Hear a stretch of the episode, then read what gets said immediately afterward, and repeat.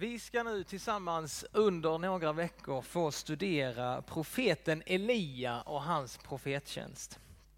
Vi ska studera i Gamla Testamentet alltså, en historisk berättelse, men vi tror inte bara detta är en historisk berättelse vi ska studera, utan vi tror så som Paulus skriver i Romarbrevet 15. Där står det så här, alla profetior i skriften står där för att undervisa oss så att vi genom vår uthållighet och den tröst skriften ger oss kan bevara vårt hopp. Det är vi ute efter. Och sen skriver Paulus i andra Timoteusbrevets 3, varje bok i skriften, och då menar han framförallt det gamla testamentet. Varje bok i skriften är inspirerad av Gud till nytta när man undervisar, vederlägger, vägleder och fostrar till ett rättfärdigt liv. Så att den som tillhör Gud blir fri från sina brister och rustad för alla slags goda gärningar. Det är vi ute efter. Vi kommer alltså inte bara fråga oss nu, vad hände då, vad hände där och då? Utan också, vad kan det här betyda för mig? Vad vill Gud säga till mig in i min livssituation idag? Vad, kan, vad vill Gud säga till oss som församling? Jag vet inte hur Gud vill uppmuntra dig, korrigera dig, vägleda dig idag, men jag är helt säker på att han vill tala till oss eh, idag. Så vi ber, Gud öppna du ditt ord för oss och hjälp oss att öppna oss för ditt ord.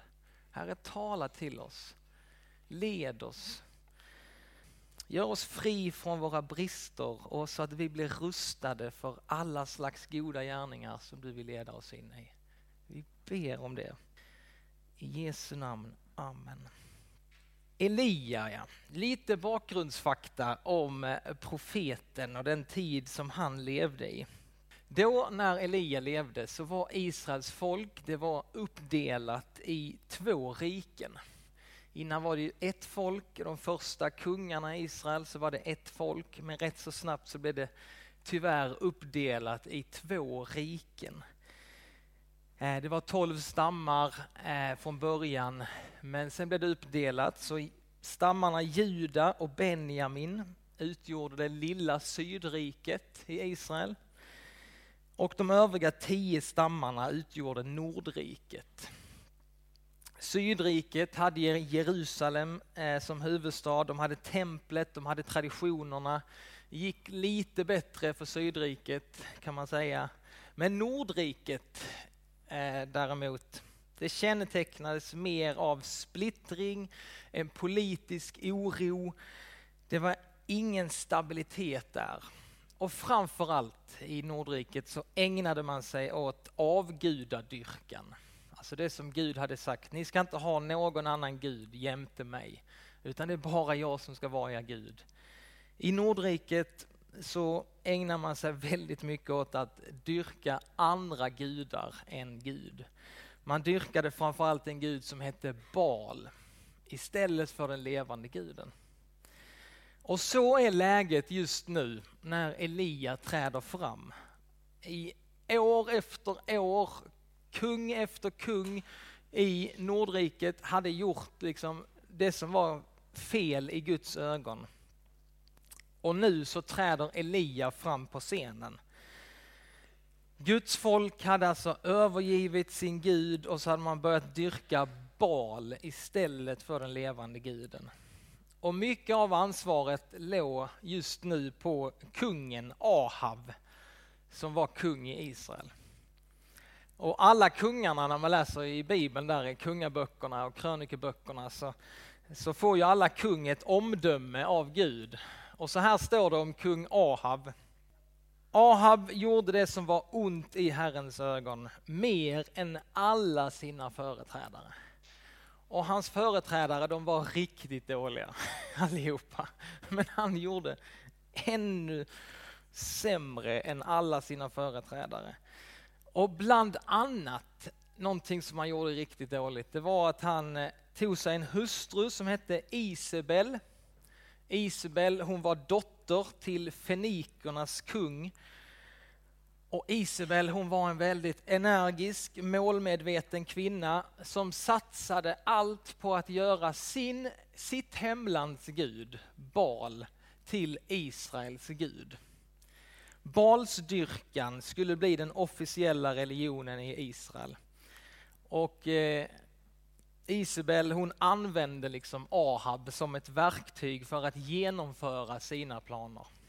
Ahab var alltså inte trogen Gud utan började tillbe Baal istället och därmed liksom hela Israels folk. Så det här är det politiska läget som Elia träder fram. Nu ska vi börja läsa. Vi ska läsa mycket bibel idag, det är härligt. Vi ska läsa ett helt kapitel i bibeln. Är ni med på det? Hela kapitel 17 ska vi läsa i första kungabok. Underbart. Vi läser i Jesu namn. Elia, en man från Tishbe i Gilead, sade till Ahab, alltså han träder fram inför kungen, den här usla kungen, så sant Herren lever, Israels Gud som jag tjänar. Under de närmaste åren ska det varken falla dagg eller regn annat på, än på min befallning. Herrens ord kom till Elia. Bryt upp, ta vägen österut och göm dig i Kerits bäckravin öster om Jordan. Där kan du dricka ur bäcken och jag har befallt korparna att förse dig med mat. Elia gjorde som Herren hade sagt. Han gick till Kerits bäckravin öster om Jordan och slog sig ner där. Korparna kom med bröd och kött till honom både morgon och kväll och han drack ur bäcken. Elia, det första vi kan säga också, eller om honom, det är hans namn. Vet ni vad det betyder? Elia betyder Herren är Gud.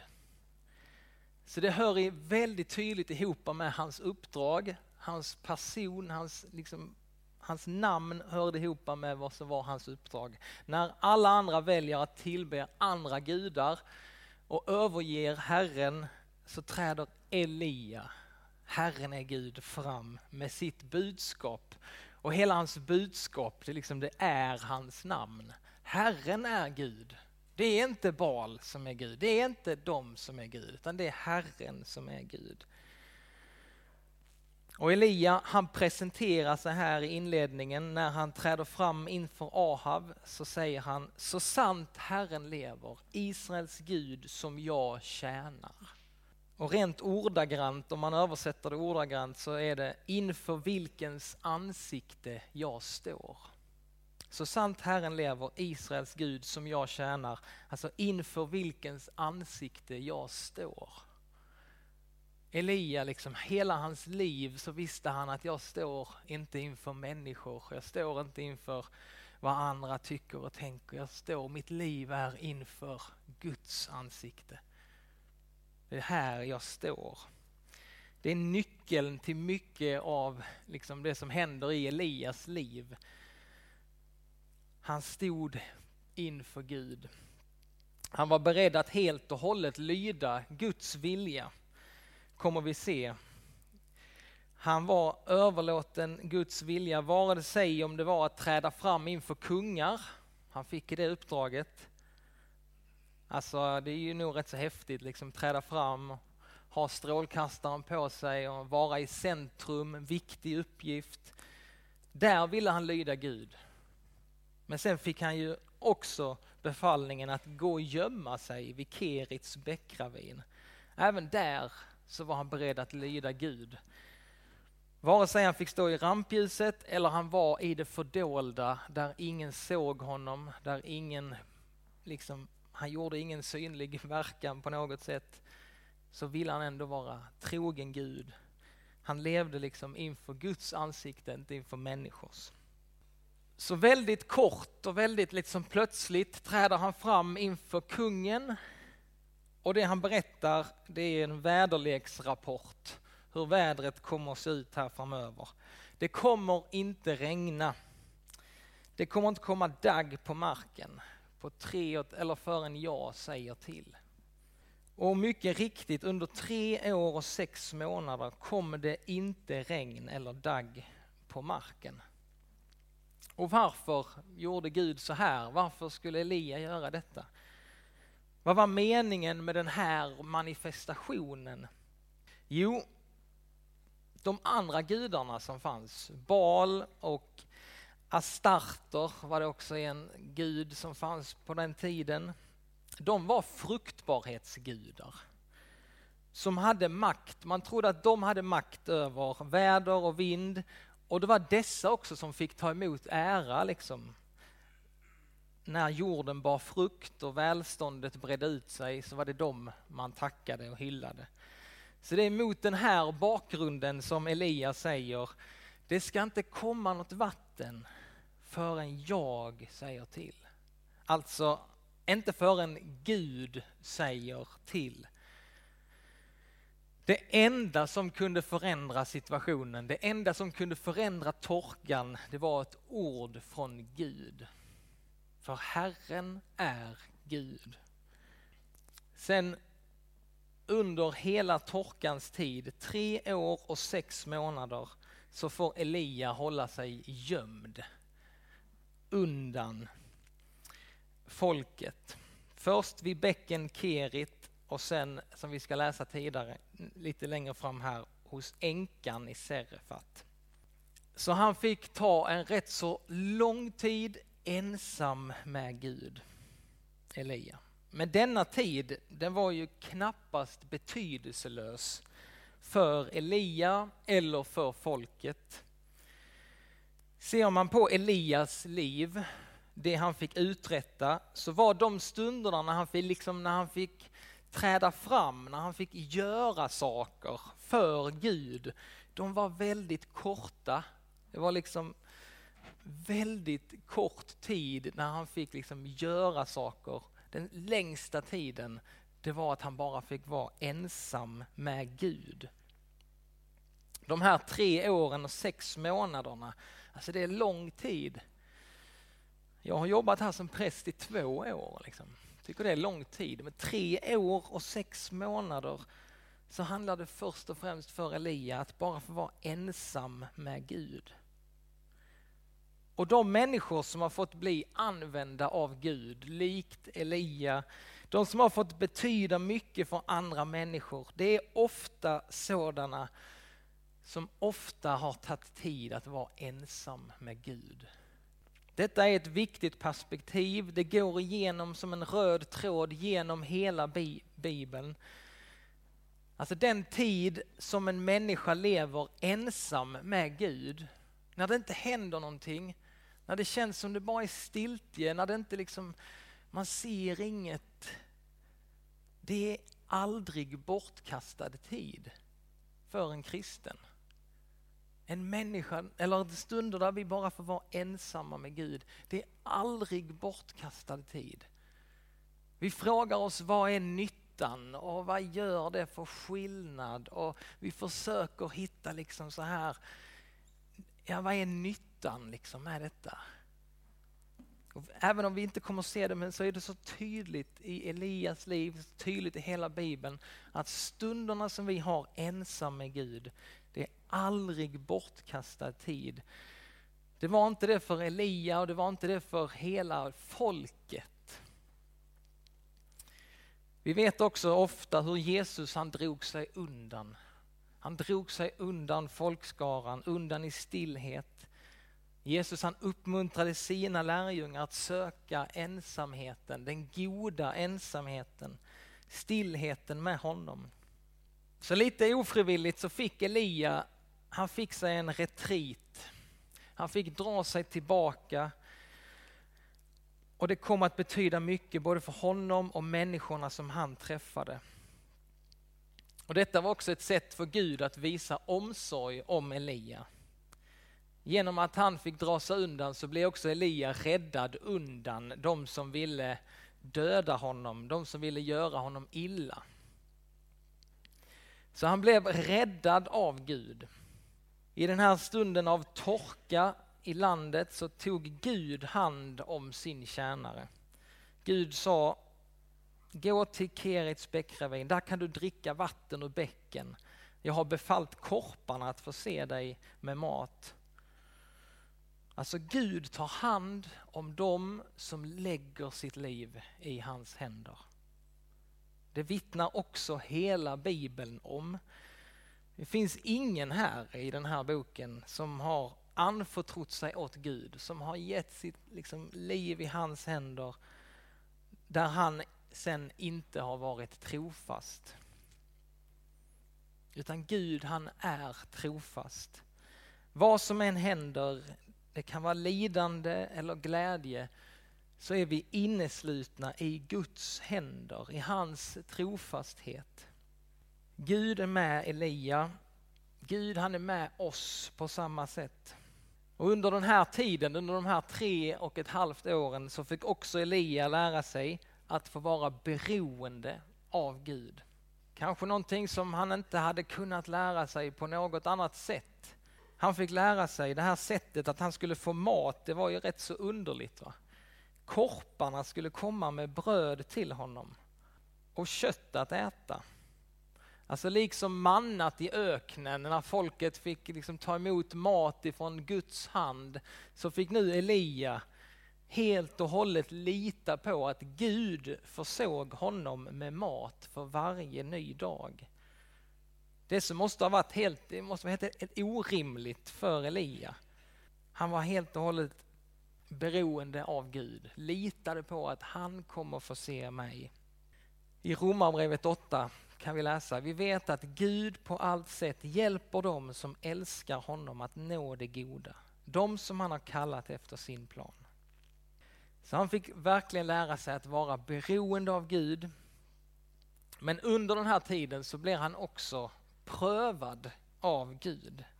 Vi läser sen alltså, efter en tid så sinade bäcken eftersom det inte hade fallit något regn i hela landet, står det. Och det måste ju vara konstigt för Elia. Han måste tänka, vad, vad är detta för någonting? Det kommer inget vatten i bäcken längre. Gud har ju, han sa till mig, Gud sa till mig att det skulle komma vatten i bäcken och jag skulle kunna få dricka. Har Herren svikit mig? Kan jag inte lita på hans löften? Han sa ju att jag skulle få vatten att dricka. Och detta tror jag också vi alla kan få uppleva. När det vi upplever inte tycks stämma överens med det vad Gud har sagt och hans löften. Du och jag, vi kan också hamna där vid sinande bäckar och undra, men varför kommer det inte något vatten? Gud har ju sagt att det skulle komma vatten. För dig och mig, det kan gälla materiellt, det kan gälla med hälsa, kraft, inkomster sinar. Det kan vara din känsla för bibelläsningen, bönen och tron. Och du bara sitter där och du liknar dig vid att sitta vid de sinande bäcken i Kerit. Gud har ju sagt att det ska komma vatten, varför gör det inte det? Har Gud övergivit mig? Kan jag inte lita på hans omsorg längre? Och det är just i de här stunderna i våra liv som vi får liksom, vi kan få tänka på Elia, vi kan få lyssna liksom, vi får ha Bibeln som minne, liksom ett gemensamt minne hur Gud har handlat med olika människor. Gud han prövar oss, men han lämnar oss aldrig. För vi läser vidare nu. Och nu blir det ett litet långt pass här. Vad som händer. Är ni med eller? Ja, det är bra. Då står det så här. Efter en tid sinade bäcken eftersom det inte hade fallit något regn i landet. Herrens ord kom då till Elia. Gå till Serefat vid Sidon och slå dig ner där. Jag har befallt en änka där att förse dig med mat. Elia gav sig iväg till Serefat och när han kom till stadsporten gick där en änka och plockade pinnar till ved. Han ropade till henne, kan du hämta lite vatten så att jag får dricka? När hon var på väg för att hämta vatten ropade han, kan du ta med en bit bröd också? Hon svarade, så sant Herren din Gud lever, jag äger inte en brödkaka. Bara en handfull mjöl i krukan och lite olja i kruset. Här plockar jag nu några vedpinnar så att jag kan gå hem och laga till något åt mig och min pojke. Men när vi har gjort slut på det här svälter vi ihjäl. Var inte rädd, sade Elia. Gå och gör som du har sagt. Men baka först en liten brödkaka åt mig och kom hit ut med den. Sedan kan du baka åt dig själv och din son. Ty så säger Herren Israels Gud, mjölet i krukan skall inte ta slut och oljan i kruset inte tryta fram till den dag då Herren låter regnet falla över jorden. Då gav hon sig iväg och gjorde som Elia hade sagt och både hon och Elia och pojken hade mat under lång tid. Mjölet i krukan tog inte slut och oljan i kruset tröt inte. Alldeles som Herren hade sagt genom Elia. En tid därefter hände det att sonen till kvinnan som ägde huset blev sjuk. Sjukdomen blev allt värre och till slut upphörde han att andas och då sade hon till Elia, vad har du här att göra Guds man? Du har bara kommit hit för att låta min synd komma i dagen för att döda min son. Han svarade henne, ge mig din son. Så tog han pojken ur hennes famn och bar upp honom till rummet på taket där han bodde och lade honom på sin säng och han ropade till Herren. Herre min Gud, hur kan du handla så grymt mot denna änka som jag får bo hos, att du dödar hennes son? Och han sträckte ut sig ovanpå pojken tre gånger och ropade till Herren. Herre min Gud, låt pojken få liv igen. Herren hörde Elias bön och pojken började andas och fick liv igen. Elia tog pojken och bar honom från takrummet ner i huset och lämnade honom till hans mor. Se, sade han, din son lever.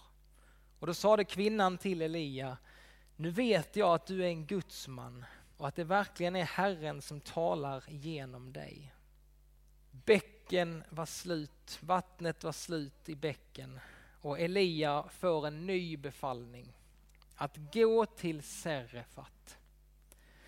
Och för Elia, det säger inte så mycket för oss, men när han hör ordet Serefat då kan man ju fråga vad han känner. För Elia så var Serefat det främmande området. Serefat, det var faktiskt därifrån Isabel kom. Den beryktade drottningen, va? hon kom därifrån. Alltså Gud säger, du ska gå rakt in i fiendelägret. Och inte nog med det. va. När du kommer dit så ska en änka ta hand om dig. Eh, det är också helt konstigt och helt omöjligt. I Bibeln så står det väldigt mycket om änkor.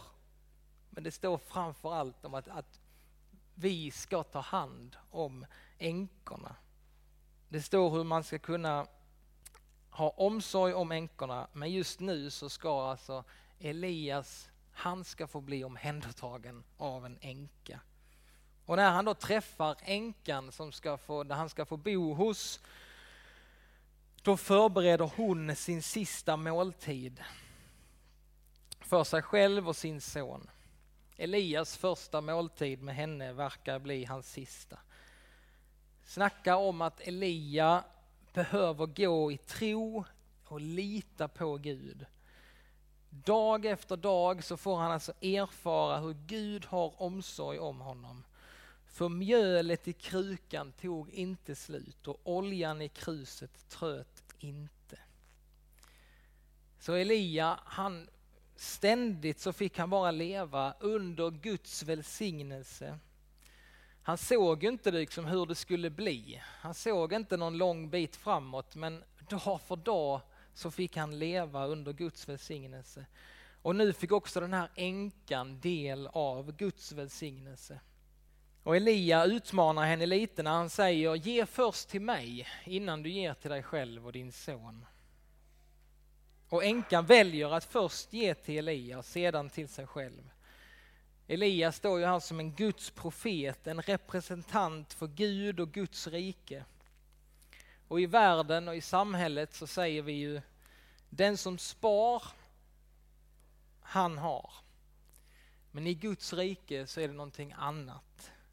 Den som ger till andra får ta emot en välsignelse från Gud. Jesus sa, sök först Guds rike, hans rättfärdighet. Då ska ni få det andra också, för jag har omsorg om er. Detta fick den här änkan erfara Jag tror inte att hon ångrade sig att hon gav sin sista brödbit till profeten.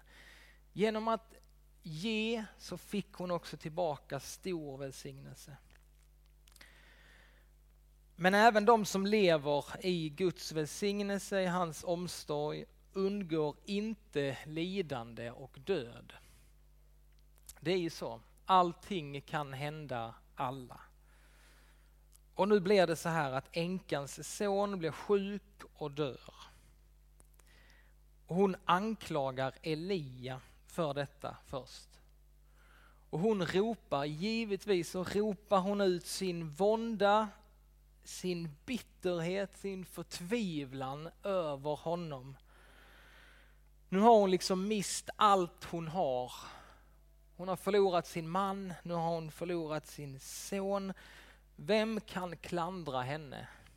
Och vad gör då Elia? Han försöker inte tysta ner henne liksom och säga, men ta dig samman kvinna.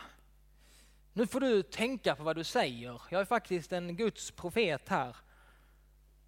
Nej, hon får ropa ut sin nöd och sin förtvivlan. Och istället för att tillrättavisa henne, istället för att liksom försöka dämpa henne, så säger han bara till henne, ge mig din son. Han vill alltså ta över hennes börda. Han går in i hennes nöd och bokstavligen så får han liksom bära hennes son fram till Gud. Och vad gör Elia sen? Jo, den här kvinnan anklagar Elia för att det är hans fel.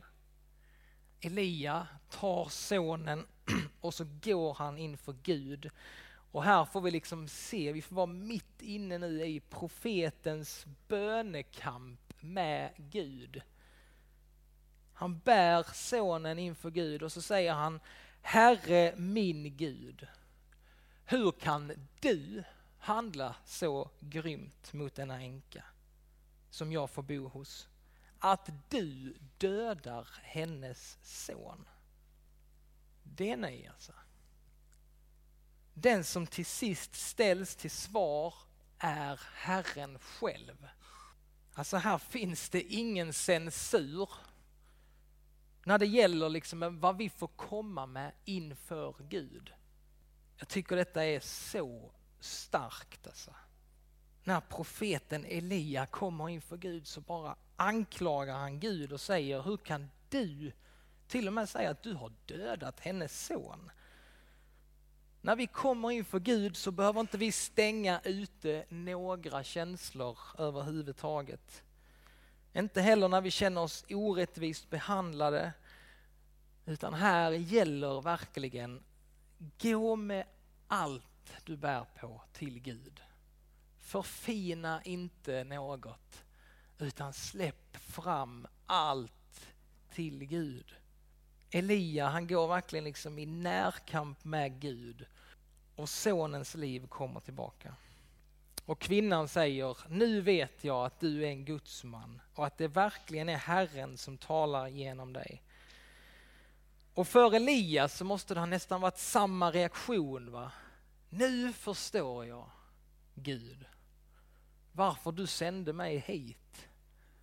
Han kan inte ha förstått det innan. varför ska jag åka dit? Nu förstår jag varför du sände mig hit. Nu kan jag se hur du har lett mig och varför du har gjort saker och varför du har fört mig hit. Det som var så obegripligt från början börjar nu falla på plats. Och den här berättelsen den faller ännu mer på plats i Nya Testamentet. Alltså Elias besök hos änkan i Serefat. Han besöker en, någon som inte tillhör Guds folk då.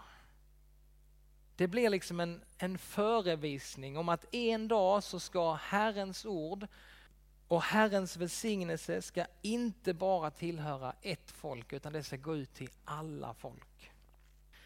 Där har vi kapitel 17. Och vad läste vi i början?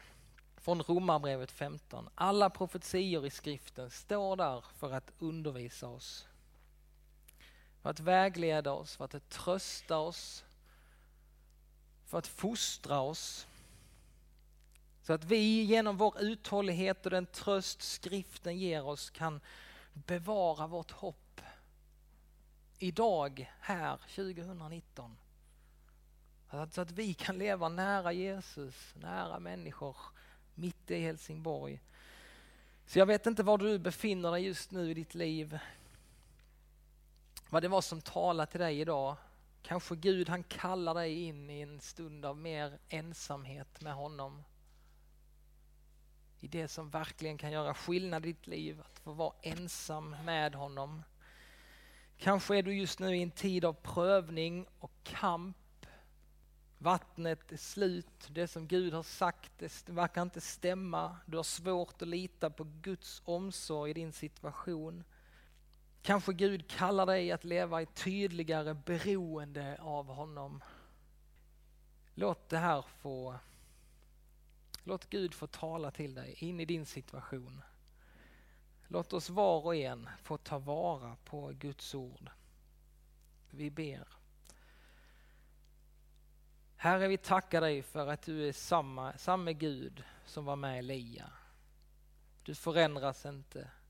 Du är densamme från evighet till evighet. Och tack att vi just nu får vara ditt folk och att du vill leda oss på samma sätt som du ledde Elia. Herre, låt ditt ord få verka i oss undervisa oss, vägleda oss så att vi kan få växa till i tro, hopp och kärlek. Och jag ber att du drar oss närmare dig, Jesus Kristus. Amen.